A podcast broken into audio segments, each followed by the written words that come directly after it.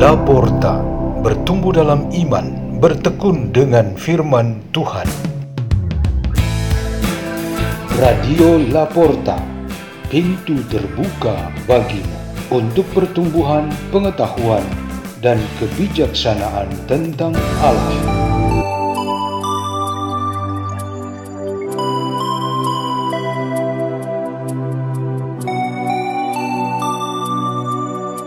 Bacaan dan Renungan Sabda Tuhan Hari Selasa Pekan ke-24 Masa Biasa 13 September 2022 Peringatan Santo Yohanes Kristostomus Uskup dan Pujangga Gereja.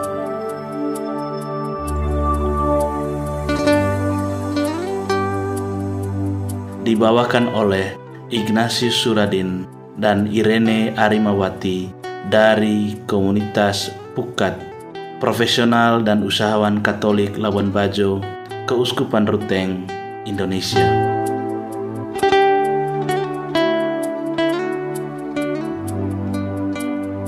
Inilah Injil suci menurut Lukas, bab 7 ayat 11 sampai 17. Pada suatu ketika, pergilah Yesus ke sebuah kota bernama Nain. Para murid serta banyak orang pergi bersama dia.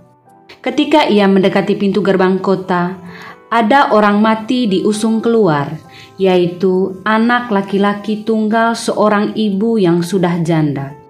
Banyak orang kota itu menyertai janda tersebut.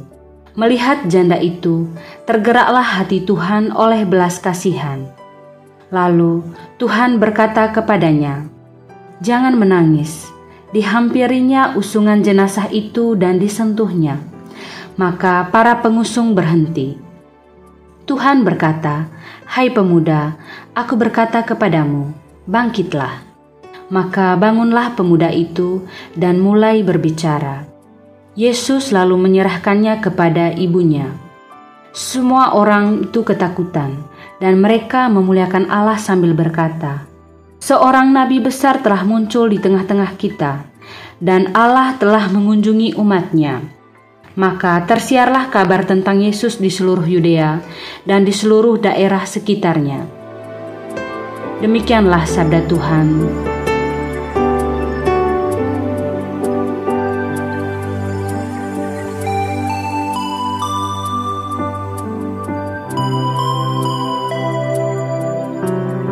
Tema renungan kita pada pagi ini adalah Tuhan tahu berbuat untuk kita. Renungan kita ini menekankan bagaimana Tuhan yang datang atas kuasanya sendiri karena ia tahu dan melihat keadaan kita dalam kesulitan dan penderitaan. Bahasa teologis untuk tindakan Tuhan ini ialah belas kasih atau bela rasa. Di dalam kitab suci ada banyak petunjuk tentang Tuhan Yesus jatuh kasihan kepada orang-orang yang sedang kekurangan dan menderita, dan ia segera bertindak menolong dan menghibur mereka. Salah satunya ialah seperti ia lakukan dalam Injil hari ini, menghidupkan anak tunggal seorang janda di desa Nain. Keadaan hidup manusia yang memprihatinkan dalam aneka bentuknya diketahui oleh Tuhan dengan pasti. Misalnya, si janda itu jelas ia kehilangan segalanya, terutama anak satu-satunya yang mestinya sebagai jaminan bagi kesejahteraan dan masa depannya. Ada banyak situasi kita yang konkret dalam pribadi kita, dalam keluarga, atau lingkungan sekitar kita yang sangat memprihatinkan, yang dari pihak Tuhan tentu tergerak belas kasihnya untuk campur tangan. Semua itu nyata di hadapan Tuhan. Semua itu tidak mesti sampai kepada Dia melalui doa atau teriakan dan desakan minta tolong. Keadaan kita yang memprihatinkan sudah merupakan sebuah doa dari kedalaman hati kita tanpa suara. Cukup dengan tampak yang apa adanya dan tak perlu ada ucapan serta seruan minta kasihan. Kita memasrahkan kepada kehendak yang maha tinggi, karena ia sudah mengetahui semuanya. Doa yang seperti ini sangat memerlukan ketulusan atau kejujuran kita. Yang perlu dihindari ialah kebohongan atau kepalsuan berbalut penampakan sebagai penderita. Para pengemis jalanan sering menipu kalau mereka tak punya tangan dan kaki, sehingga orang-orang langsung jatuh kasihan kepada mereka. Tapi ketika mereka ditantang akan kejujurannya, langsung terlihat kepalsuan yang dibuat dengan memakai bahan buatan pada tubuh untuk menutup tubuh aslinya yang sebenarnya normal.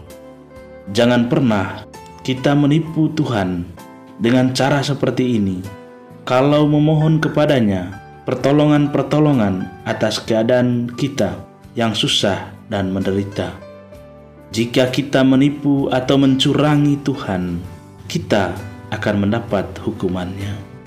Jadi, kita memang perlu tampil apa adanya sebagai manusia normal dengan kelebihan dan kekurangan, khususnya penderitaan dan kesulitan kita yang nyata di hadirat Tuhan yang sudah mengetahuinya.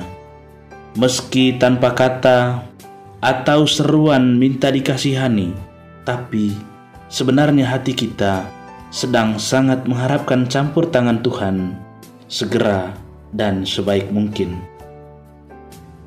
Marilah kita berdoa dalam nama Bapa, Putra, dan Roh Kudus. Ke dalam tanganmu, ya Bapa, Maha Murah, kami gantungkan hidup ini. Jadikanlah kami selalu rendah hati dan jujur berada di hadiratmu. Kemuliaan kepada Bapa, Putra, dan Roh Kudus.